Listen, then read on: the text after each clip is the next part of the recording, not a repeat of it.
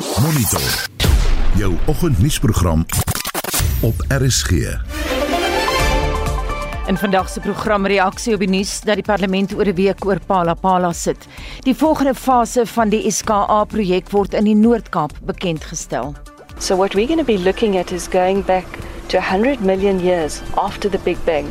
And we're looking at the formation of the first stars and galaxies and then the evolution of the universe from the cosmic dawn. En Sapra keer nog twee Pfizer en stowwe teen COVID-19 goed. Baie welkom by Monitor. Die span vanoggend redakteur Wes op Pretoria ons produksieregisseur Johan Pieterse en my naam is Anita Visser.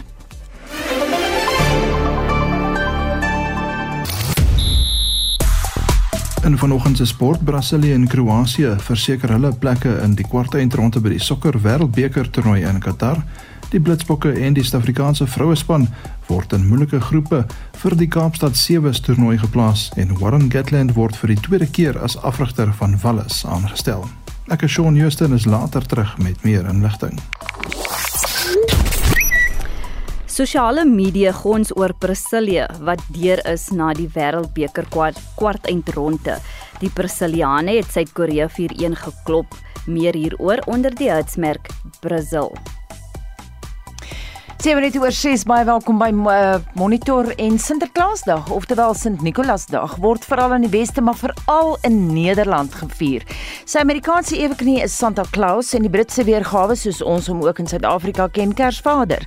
Die historiese Nikolaas het in Turkye tydens die Romeinse ryk geleef en was glo 'n besondere vrygewige Christen. Ons wil vanoggend by jou weet, wat sou jy graag vir Kersvader wou skryf?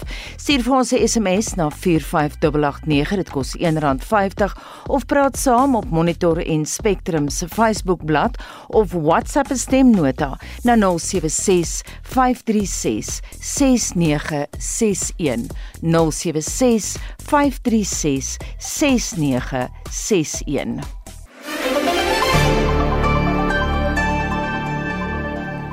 Die nasionale vergadering sal nou eers volgende Dinsdag oor 'n komitee stem wat die moontlikheid moet ondersoek of president Ramaphosa in 'n staat van beskuldiging geplaas moet word. Die stemming is tydens 'n spesiale sitting van die parlement se programmekomitee uitgestel nadat dit aanvanklik vandag tydens die laaste sitting van die parlement van die jaar sou plaasvind. Vir meer hieroor praat ons met die leier van die DA, John Steenhuisen. Goeiemôre John. Goeiemôre Annika, uh, wonderlik om saam met julle vandag te wees. John, aanvanklik is daar gister berig dat die DA 'n mosie van wantroue in Ramaphosa steun, maar jy het toe later in die dag dit duidelik gestel dat die DA nie so 'n mosie steun nie. Waar het daai misverstand vandaan gekom? Ek weet nie waar daai misverstand uh, gekom het want ons het nooit um, ja gesê om 'n mosie van wantroue uh, ons het presies die anders gesê dat dit sal lyk as die oppositie desperaat is en die feit dat dit is teen die reëls van ons parlement van ons het 'n uh, 'n reël wat ons noem die rule of anticipation wat sê jy kan iets op die papier uh, vir die parlement sit wat alreeds uh, op die papier is. Ons het alreeds nou 'n uh, uh, uh, uh, section 89 uh, moesie teen die president wat ons is besig met en dit maak nie sin nie om 'n uh, section uh, uh, 102 uh, moesie in te bring. Dit dit reik desperaat en ek dink dit is nie die regte ding. Ons moet versigtig wees nou uh, en ons moet altyd doen wat beste vir Suid-Afrika is en ek dink dis nie die die ding wat Suid-Afrika nou uh, nodig het. Is jy tevrede met die uitstel met die uitstel van wat? Van die stemmery. By die ANC. Nee, wat nou eers volgende Dinsdag gaan plaasvind. Ja, ek ek is, uh, ons moet dit nou doen. Ek dink dit sal baie skade aan Suid-Afrika doen as ons terug in die dae van meneer Zuma is waar ons het 'n president wat dit klagte teen hom en 'n ernstige saak wat teen hom is, uh, wat die die hoewe gebruik in 'n Stalingrad uh, manier maar ook die ANC caucus in parlement gebruik om homself te beskerm. En dis hoekom ons dink dit baie belangrik is dat die proses moet nou aangaan. Dat die parlement moet daai verslag vat en sit en verduidelik vir die komitee self waar die waarheid lê. ek dink 'n paar mense het die verkeerde kant van die storie. Hulle dink dat die stem wat ons moet nou doen is uh, om meneer Ramaphosa te impeach. Dis nie die waarheid nie. Al wat ons wou nou doen, ek dink dit is belangrik vir Suid-Afrika, is ons moet daai verslag vat en ons moet self deur daai verslag gaan. Ons moet die president roep, ons moet meneer Wadi Rode roep, ons moet uh, heel ander mense roep, die Suid-Afrikaanse Reserve Bank en ook uh die Suid-Afrikaanse Revenue Dienste moet nou ingebring en hulle moet verduidelik wat gebeur het.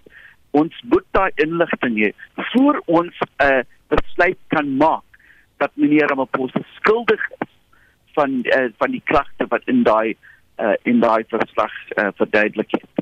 John, die tesourier-generaal van die ANC en waarnemende SG van die party, Paul Mashatile, sê Ramaphosa gaan tans met sy pligte voort. Mashatile het uh, na die NK het ook vir hulle gevra dat ANC LPs teen die aanvaarding van die Palapala verslag moet stem. Kom ons luister na wat hy gesê het. The NEC resolved that the NEC will vote against the adoption of the report of the Section 89 panel. Our duty is to inform ANC MPs about the decision of the NEC. Some MPs who may not abide by that decision we will cross the bridge when we come to it. The NEC said they expect NEC members, MPs, to abide by the discipline of the ANC. Once the NEC has decided on a line of march, we all should toe the line. John, jou kommentaar. Ja, ek dink hulle maak 'n baie baie goed fout en dis asof hulle nie iets geleer het van die sonderverslag. Wat ons nou sien is presies wat gebeur het. Toe meneer Zuma die moties van wantrou teen hom die ANC gebruik het om homself te beskerm. Ek dink die regte manier om voort te gaan is om vir parlement daai verslag te vat en 'n uh, komitee moet begin daai werk om te sien is daar 'n saak teen die president? Het die president iets verkeerd gedoen? En is dit so ernstig dat ehm um, hulle hulle moet 'n impeachment motion daar in uh, sit ek dink ons moet die proses respek gee ons het die reëls van parlement verander tussen die tyd van meneer Zuma uh om seker te maak dat daar is 'n paneel wat moet sit en besluit as daar ernstige klagte wat die president moet um antwoord. Dit dit daai proses is nou klaar. Ek dink dit maak nie sin nie. Nog nie in dit ook ook nie reg nie dat ons gaan nie die volgende proses doen om daai verslag uh in ondersoek deur daai verslag uh, te begin in die parlement. Mm -hmm. En ons sien nou die ANC doen alweer die foute van van die verlede waar hulle gebruik hulle meerderheid in die parlement om om 'n president wat ernstige klagte ehm um, deurgebring is om te beskerm en ek dink dit is nie goed vir die parlement en dit is goed vir ons demokrasie. Daar's geen skade aan die president as ons daai verslag vat nou in in 'n ondersoek doen want dit beteken dat hy hy, hy, skuldig is nie maar dit beteken dat die parlement is ernstig oor die werk wat ons moet doen aan vir die mense van Suid-Afrika en onder die grondwet om die president verantwoordelik te Net laasens Ramaphosa voer nou aan dat die verslag van die artikel 89 paneel baie ernstige gebreke bevat.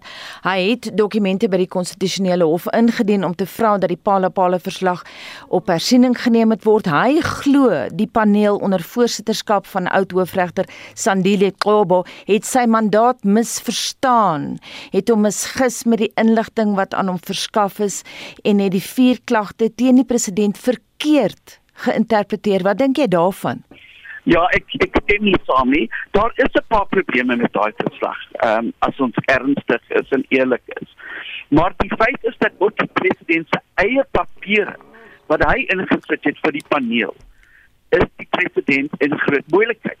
Want hy sê in daai papiere dat hy die geld op die 25ste van uh, Desember maand gekry het hy ehm um, hy het hy het geweet daarvan op die 26ste. Daai geld is in 'n bank in sy in sy privaat huis gesit tot Februarie maand die volgende jaar. Ehm um, die president het 'n probleem want dis dis onwettig om soveel geld in ons land te hê uh, wat nie uh, ingesit het of, of meer declaration daaroor. Die tweede probleem dat die president op sy eie papiere is dat dat hy sê daar dat hy het meneer Rode en sy sy sy presidentsiële beskermings ehm um, polisie mense gebruik om die privaat geld van een van sy besighede te ehm um, te, te, te vat.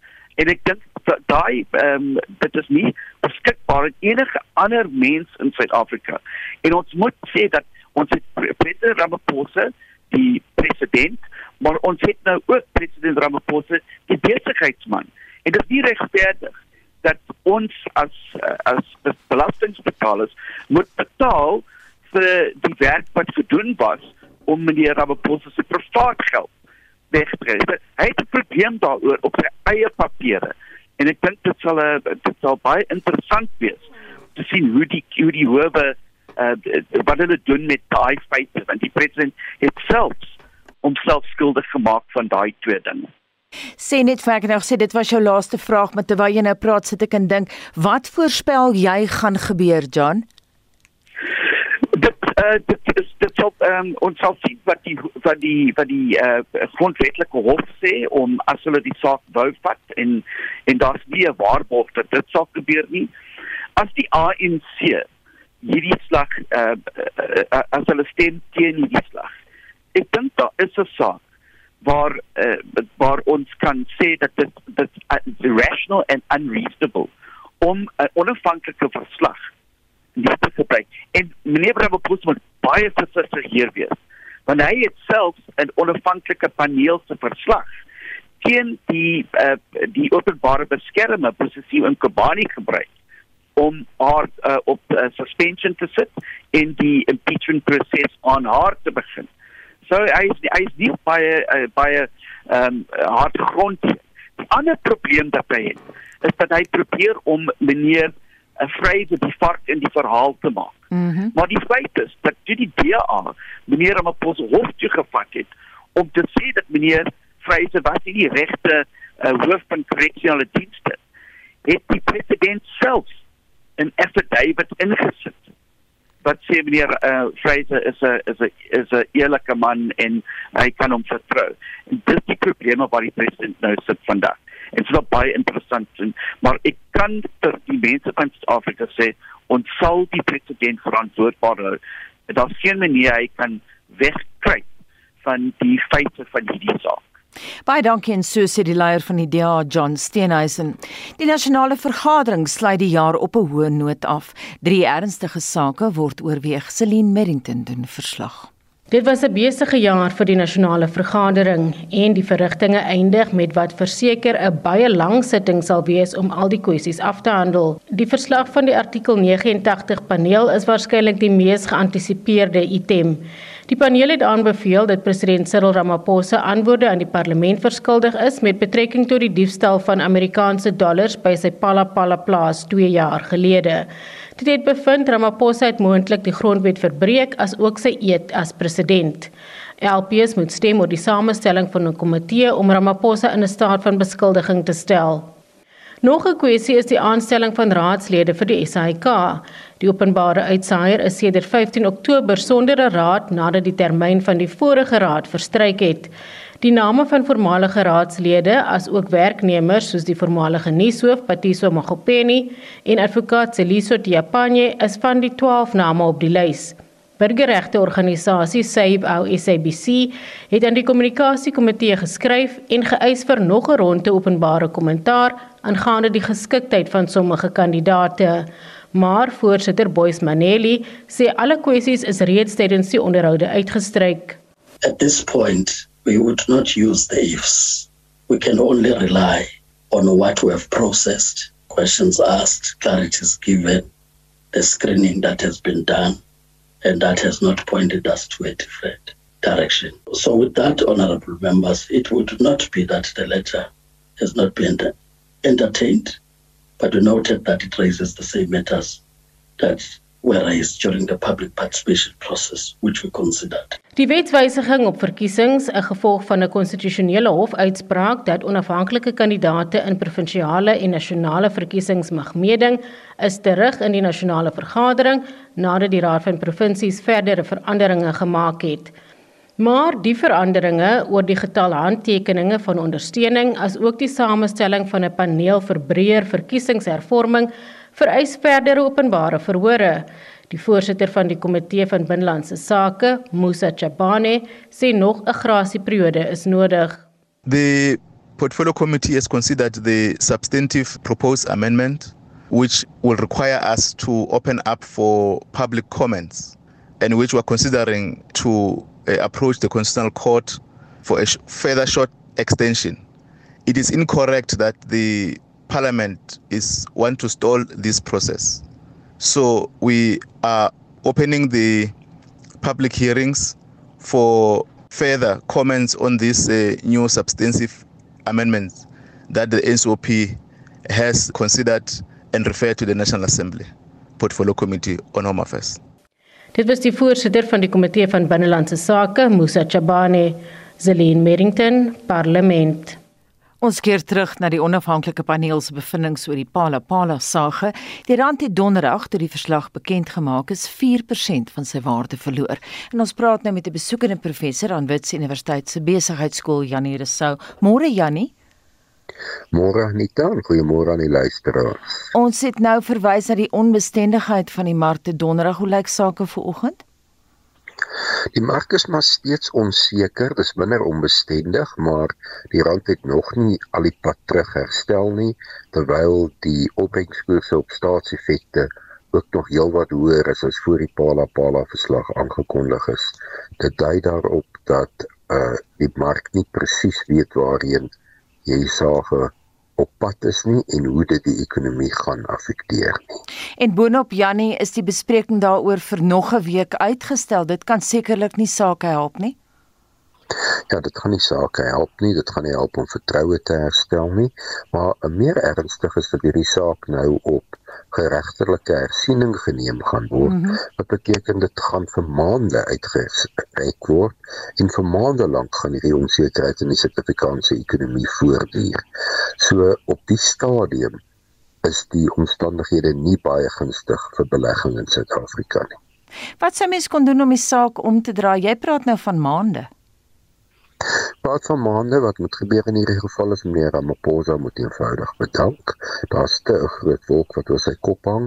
Ek weet dat wie ook al in sy plek mag kom swakker vir die ekonomie gaan wees, maar ons kan nie 'n situasie waar sulke ernstige vrae oor 'n staatshoof gevra word en ons die jakkalsdraaie sien van meneer Ramaphosa wat ons in die verlede met meneer Zuma geassosieer het.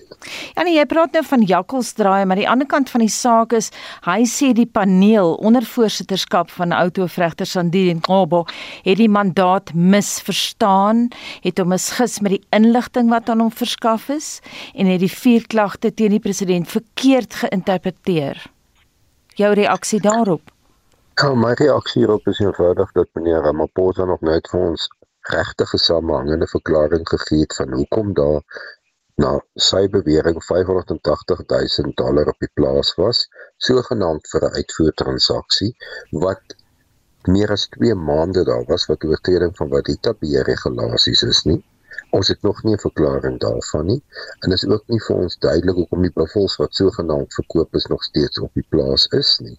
So die samehangendheid van die verklaring wat hy gee, pla my.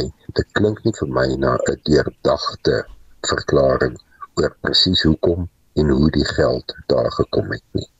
Ons het nou gesien rapport het sonder geskryf Ramaphosa se bedankingsbrief was reeds geskryf en sy binnekring het hom geswaai. Wat sou gebeur dink jy Jannie as Ramaphosa wel bedank? As meneer Ramaphosa vandag of môre bedank word meneer Mabuza natuurlik die waarnemende president van die land tot tyd en wyl 'n nuwe president verkies word wat dan nie sal gebeur voor die leierskapsverkiesing van die ANC oor so wat 2 weke nie. En dit sal natuurlik lei tot 'n nuwe kabinet in Suid-Afrika as daar nuwe staatshoof is. So die binnekring wat meer Ramaphosa probeer oortuig om aan te bly is natuurlik almal mense wat vir hulle eie posisies binne die ANC afhanklik is. So hulle is bekommerd dat hulle hulle posisies gaan verloor as daar nie staatshoof kom. So is heelwat eie belang ter sprake in hierdie debatte binne die ANC. Ja nee, dis sou as jy nou as ekonom kon raad gee aan die regering, wat sou jy vir hulle sê? As ek hulle op hierdie oomblik kan raad gee, sal ek sê vergeet alle drome, vergeet alle nuwe idees wat julle het. Vergeet van 'n uh, nasionale gesondheidstelsel. Vergeet al hierdie goed. Maak vir Eskom reg en laat munisipaliteite werk. Dit is op hierdie oomblik die twee enkele belangrikste dinge wat in Suid-Afrika moet gebeur. Daar moet dienslewering op munisipale vlak wees sodat uh, mense se lewensomstandighede kan verbeter. Daar moet onder ononderbroke elektrisiteitsvoorsiening wees sodat mense vertroue het om in die land te belê op die verwagting dat hulle elektrisiteit gaan hê om hulle sakeondernemings te bedryf. Ja, en van elektrisiteit gepraat, Suid-Afrika se bruto binnelandse produk vir die 3de kwartaal word vandag uitgereik. Verwag jy Jannie dat hoë vlakke van beerdkrag 'n uitwerking gaan hê op daai syfer? Ja, na my mening uh, het hoë vlakke van beerdkrag in die 3de kwartaal uitwerking op die BBP syfer gehad en dit het ongelukkig in die 4de kwartaal voortgeduur. So na my mening gaan ons negatiewe groei syfer vir die derde kwartaal sien wat Suid-Afrika tegnies in 'n resessie gaan plaas.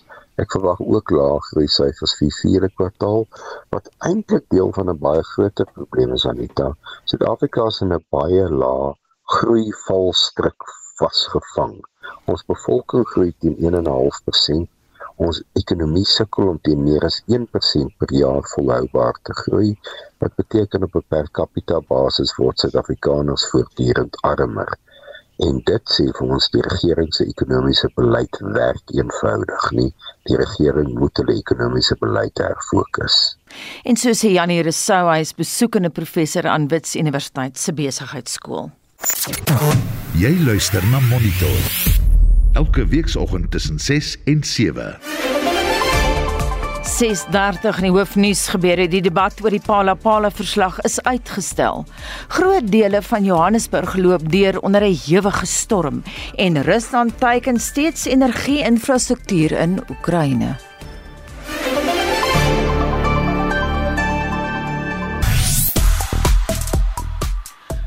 Praat vandag oor Sinterklaasdag of Sint-Nikolaasdag wat vandag in die Weste gevier word. En sy Amerikaanse weergawe is Santa Claus of soos ons hom ken wat ook die Britse weergawe is is Kersvader. En ons wil vandag by jou weet sou jy dalk vir Kersvader wou skryf? Nou Jannie van die kerk sê op ons Facebook bladsy ek sal graag wil weet waar my altyd vir my skoolklere en skoene gebring het as hy vir my ander maatjies speelgoed en lekkers gebring het. En Ann Kilian sê sy wil die volgende Kersvader vra vir 'n kamer vol boeke van al die skrywers waarvan ek hou. John van Hermanus sê ek wens vir 'n nuwe regering en Pietro Pretorius skryf hierdie is haar wens: vrede, liefde en vreugde op aarde. Jamin skryf Kersvader bring asseblief ons eerlike staatspresident van oorsee af wat oor ons 44 Afrikaans sprekendes kan regeer. En Kobus Grebe sê ek sal hom vra om vir almal werk te gee. Daar is te veel armoede in Suid-Afrika. Toby Erasmus sê ek soek 'n Millennium Falcon Lego stel. En Abel van der Merwe sê red die aarde. Laat weet vir ons wat jy vir Kersvader sou wou skryf. Stuur 'n SMS na 45889 teen R1.50 per boodskap. Praat saam op ons Monitor en Spectrum Facebookblad of WhatsApp 'n stemnota na 076 536 6961. Shaun Joost sluit nou by ons aan vir die jongste sportnuus. Goeiemôre Shaun. Goeiemôre Anita. Die kwart eindronde by die sokker wêreldbeker toernooi in Qatar kry nou vinnig nader met 6 van die 8 spanne wat reeds bevestig is. Ja, ons het uh, vanoggend in die nuus gehoor Brasilië en Kroasie het hulle plek in die in die kwart eindronde verseker na oorwinnings in gisteraand se laaste 16 ronde. Brasilië het Suid-Korea met 4-1 afgeronsel, al vier doele van Brasilië in die eerste helfte aangeteken en Kroasie het strafdoele teen Japan nodig gehad om deur te dring. Die telling was 1-11 na 90 en toe 120 minute en dan sê vir 3-1 nadat drie van Japan se doele uitgehou was. Vanmiddag 5:00 meet Ons kyk hier so vanaand na vanmiddag se wedstryde. 5:00 is dit natuurlik span net in die oorblywende Afrika span, Marokko, en dan vanaand 9:00 Portugal teen Switserland. Nou span het al 3 keer teen Marokko gespeel, twee gewen en een was gelykop. Dit is die derde keer in 2022 dat Portugal en Switserland mekaar ontmoet. Beide spanne het uh, een wedstryd elk gewen. Ja, die Blitsbokke se wêreld sewesveld tog is weer op koers na die sege in Dubai en hulle is die naweek in die moederstad in aksie. Ja, die Kaapstad Sevens toernooi vind Vrydag tot Sondag by die Kaapstad Stadion plaas. Nou, dit die derde been van die wêreld Sevens reeks. Die Blitsbokke is bo aan die punteleer op 32 punte gelyk met Australië. 'n 15 man groep is gister bekend gemaak. Christy Groblaar en Darren Adonis is weer nader getrek. Hulle was in Hong Kong ook deel van die span en Jaden Barron vorm vir die eerste keer 'n deel van die groep. Dis Suid-Afrika is 'n moeilike groep. Dit is 'n groep A saam met Fiji, Frankryk en ook Kanada. En onthou ons vroue span is ook by die Kaapstad Sewes in aksie, ook in 'n moeilike moeilike groep vir hulle. Hulle het Australië, Ierland en Spanje om meer kragte te meet. En dan bly ons by rugby nuus. Sean ek sien Wallis het vinnig beweeg om Warren Gatland se dienste te kry. Ja, Gatland is vir die tweede keer as afrigter van Wallis aangestel. Dit is nadat sy landsgenoot Wayne Pivek na 'n teleurstellende herfstreeks in die pad gesteek is. Hy het in 2022 eh, net 3 toetse gewen en eindig met 'n rekord van 13 oorwinnings uit 34 toetse. Ons sou in 2022 was aan Nederland teen Italië en ook teen Georgië. Nou Gatland neem oor vir die komende 6 nasies reeks in 2023 dan ook die wêreldbeker toernooi wat in September in Frankryk afskop en Wallis het reeds aangedui dat Gatland moontlike kontrak tot 2027 aangebied kan word en dan intussen wag ons nou om te hoor of Eddie Jones sy pos as Engelse afrigter gaan hou. Baie dankie dis dan Shaun Jooste van RSG Sport. Baie welkom by Monitor vir wêreldnuus gebeure sluit Estie nou by ons aan. Ons begin in Oekraïne waar Rusland die 8ste keer in 8 weke 'n stortvloed missiele in Oekraïne afgevuur het. 4 mense het gesterf en kragonderbrekings word veral in die ooste en in die suide van die land ervaar. Estie Anita, dis reg. Die missiele is afgevuur na twee ontploffings by militêre basisse in Rusland waarvoor Rusland Kiev verantwoordelik hou. En Rusland het ook twee hommeltuie oor lugbasisse lugbasisse eerder onderskep. Hier is die woordvoerder van die Russiese Departement van Verdediging, Igor Konash Konashenkov.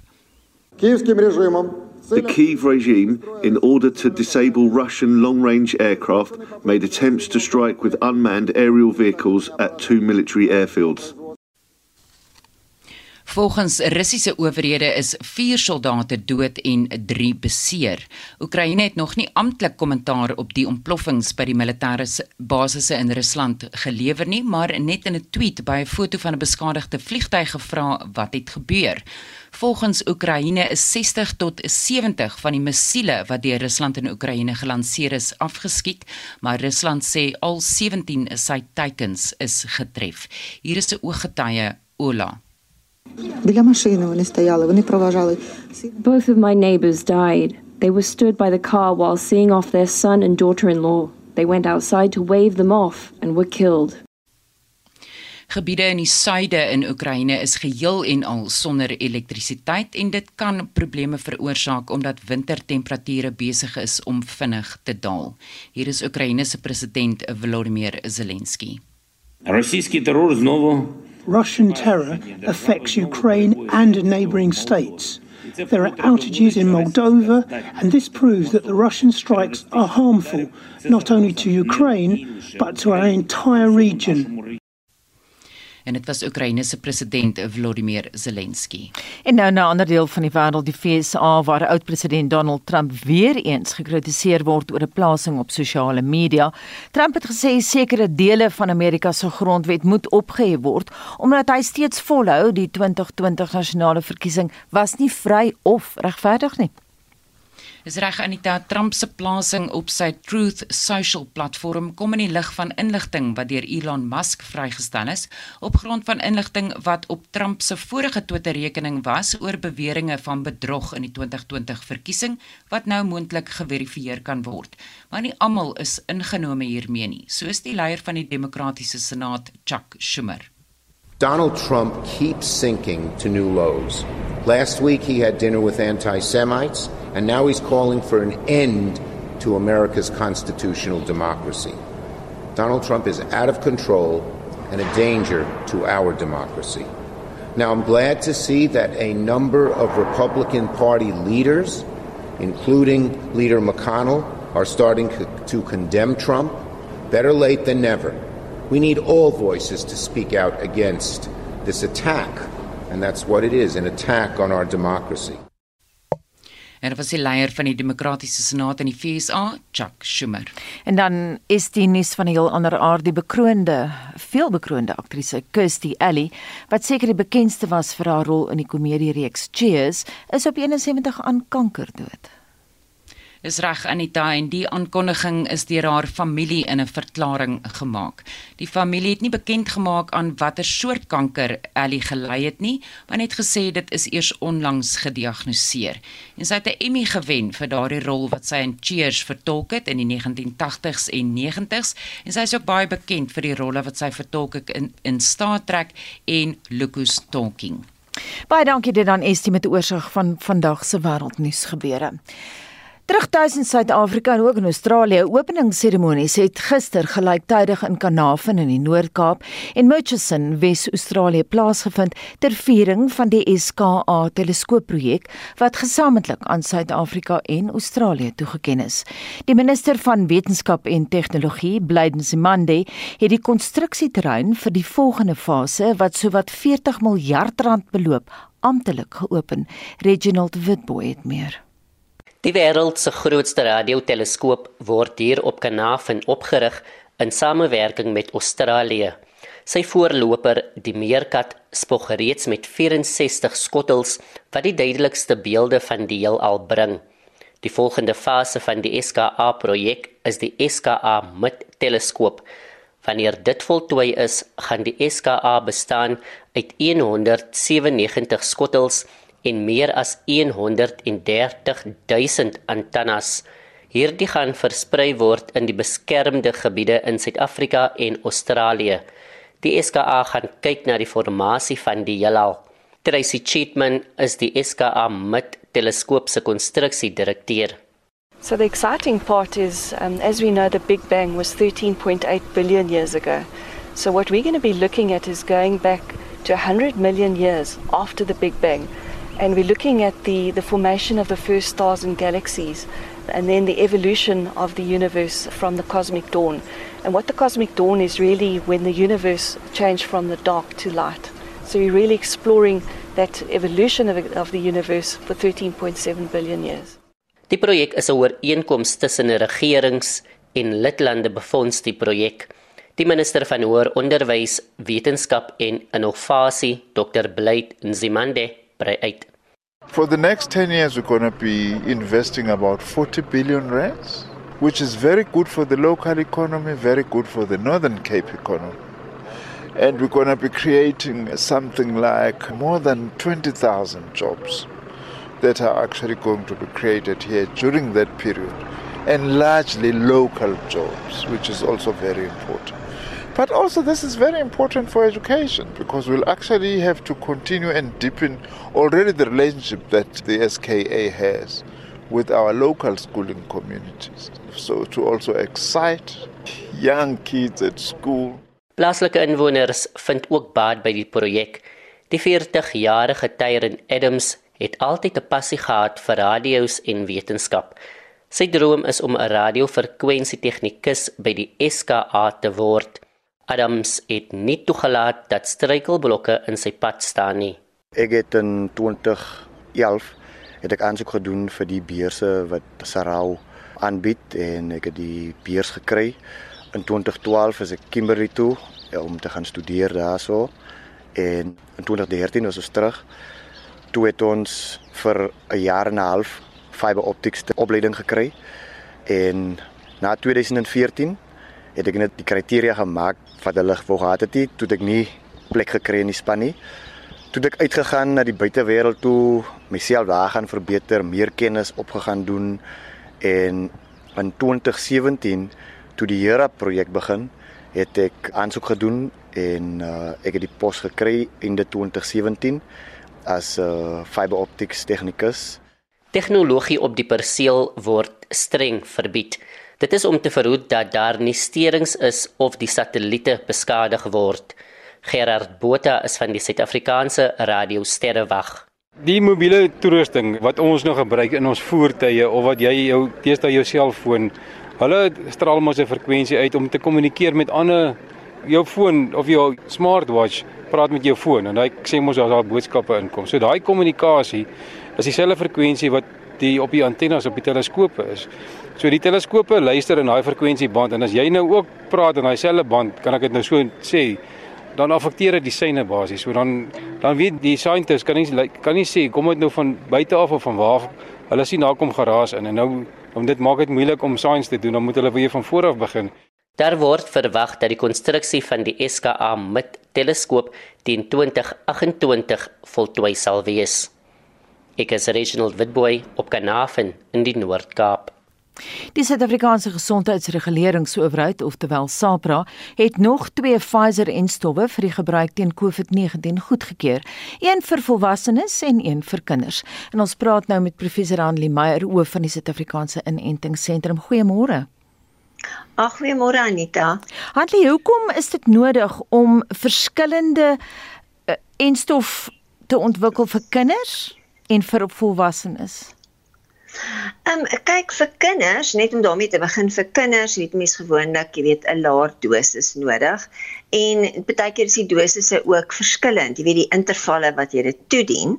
Maar in hierdie geval, ehm um, hier, beide hierdie enstowwe is nou geregistreer in gevolge artikel 156A um van die wet op medisyne en verwante stowwe met voorwaardes. So dit beteken dat hierdie twee inentings nie onder die noodgebruikmagtiging is wat ons nou voorheen gehad het mm -hmm. in die in die gediende pandemie nie, maar hulle is volledig geregistreer.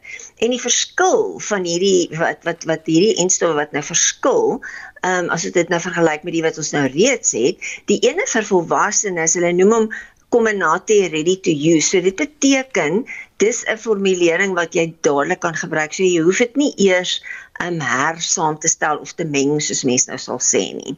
Um die een vir die kinders word genoem Combinate um verdunde om te gebruik. 'n pediatriese enstof. So dit beteken hy moet hy moet nog hersaamgestel word. So voordat jy hom kan gebruik, moet jy eers um hom meng en daarna kan jy hom gebruik word en die enstof is nou spesifiek vir kinders um van die ouderdomme 5 tot 11 jaar wat ons nou voorheen nog nie gehad het um um hier in Suid-Afrika nie. Hannelie, het jy raad vir luisteraars? Ek is byvoorbeeld 4 keer al ingeënt, sou ek die nuwe een ook moet kry? Kyk wat wat wat die wat hierdie nuwe ene nou aanbetref, nê? Nee, die vorige ene was nou geregistreer vir 'n dosis en dan 21 dae na 21 dae daarna kry jy jou volgende dosis. Nou ehm um, en en dan is daar nou ook hierdie versterkingsdosisse wat wat wat nou aanbeveel is deur die ehm um, deur die departement.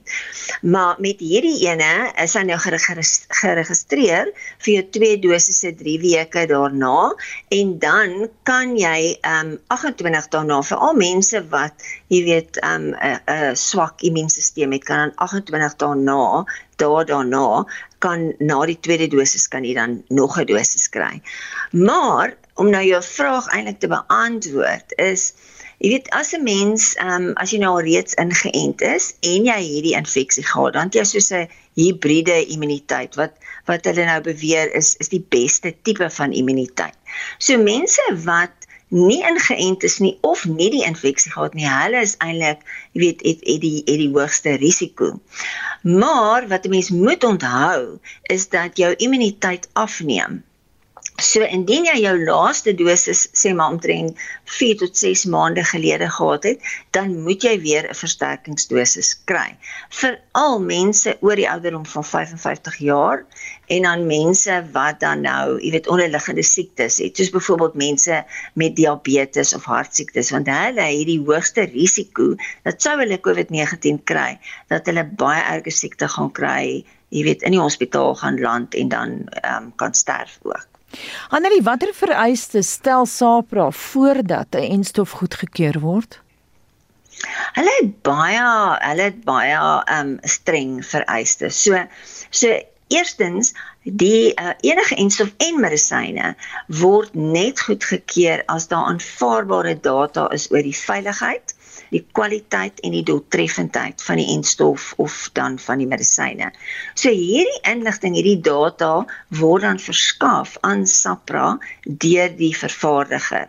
En dan SAPRA het dan eksterne deskundiges wat dan na hierdie data kyk en dit letterlik, jy weet hulle kyk letterlik soos onder 'n vergrootglas daarna. En dan wanneer die die produk geregistreer word, soos ek genoem het, is daar al altyd voorwaardes. So dit sluit nou byvoorbeeld in dat die enstof moet ehm um, net soos wat die enstof nou gebruik word en toegedien word, moet hulle nog steeds dit ehm um, ehm um, moniteer in terme van 'n risiko um, bestuursplan.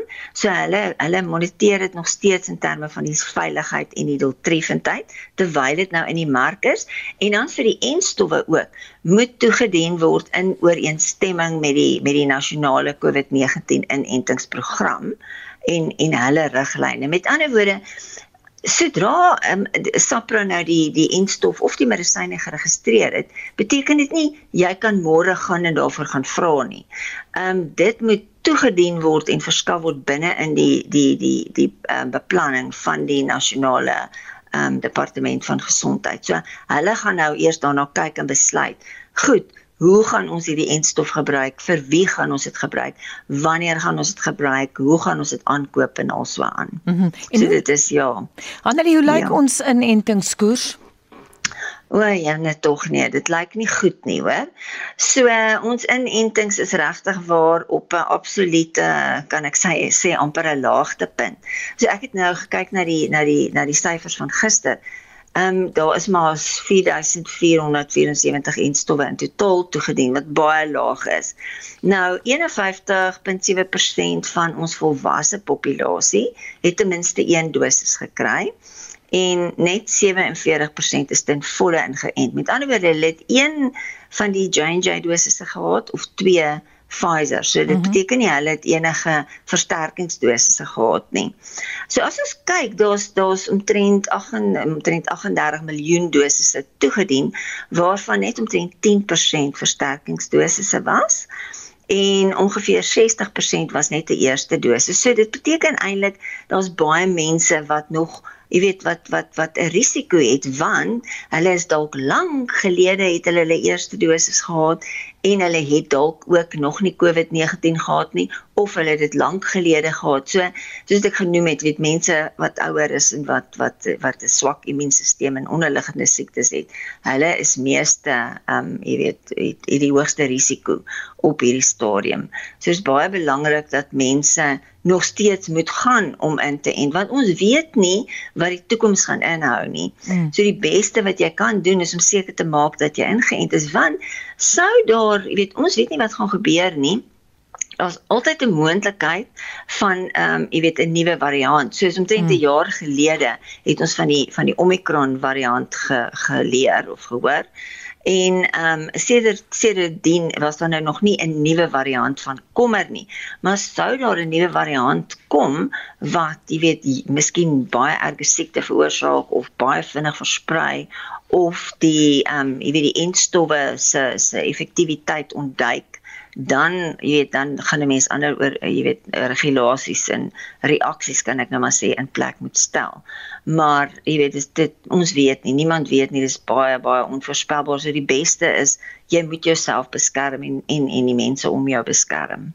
Baie dankie en daai raad kom van professor Hanlie Meyer, sy is hoof van die Suid-Afrikaanse Inentingsentrum. Die sport antieke boogskiet is besig om momentum in die Noord-Kaap te kry. Twee boogskutters van Kimberley gaan volgende naweek in 'n kompetisie in Johannesburg deelneem waar Botswana, Lesotho en Kanada ook teenwoordig gaan wees. Reginald Witboy het gaan pyl en boogskiet en die verslag saamgestel. Boogskiet word by die dag meer gewild en kry aftrek by beide volwassenes en kinders as 'n kompeterende sport. Die 16-jarige Nora Isaacs is sonder vingers gebore en moes verskeie rekonstruktiewe operasies ondergaan.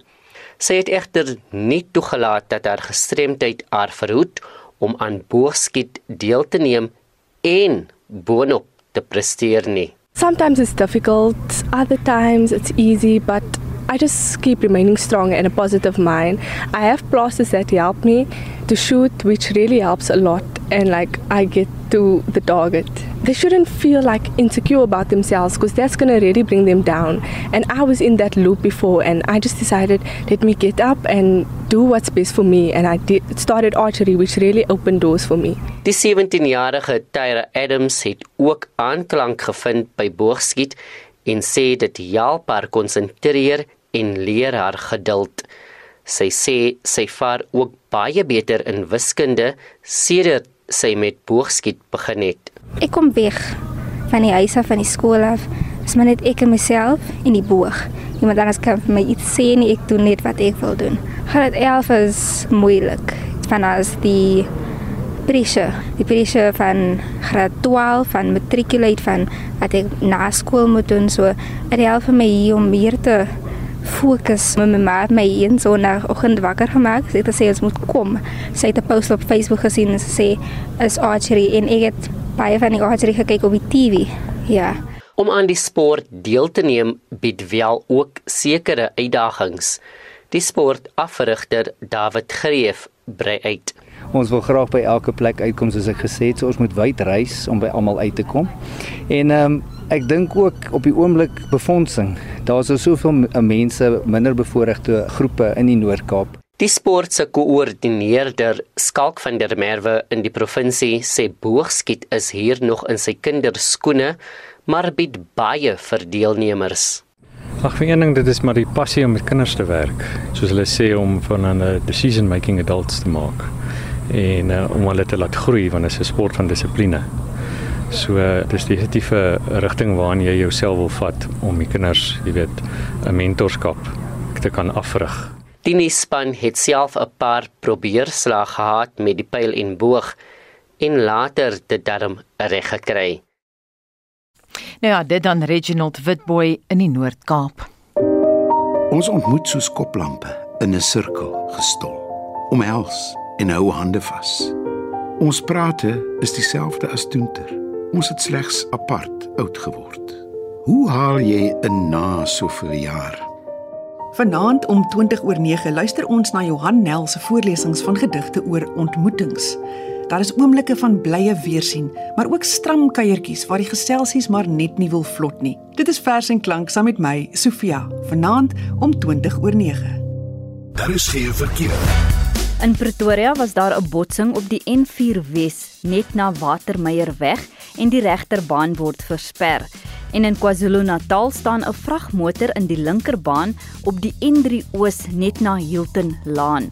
In Kaapstad is daar 'n opeenhoping op die N7 Suid by die N1 stad in oprit. Verwag vertragings. Ek is Bianca Olifant met die verkeersnuus op Monitor.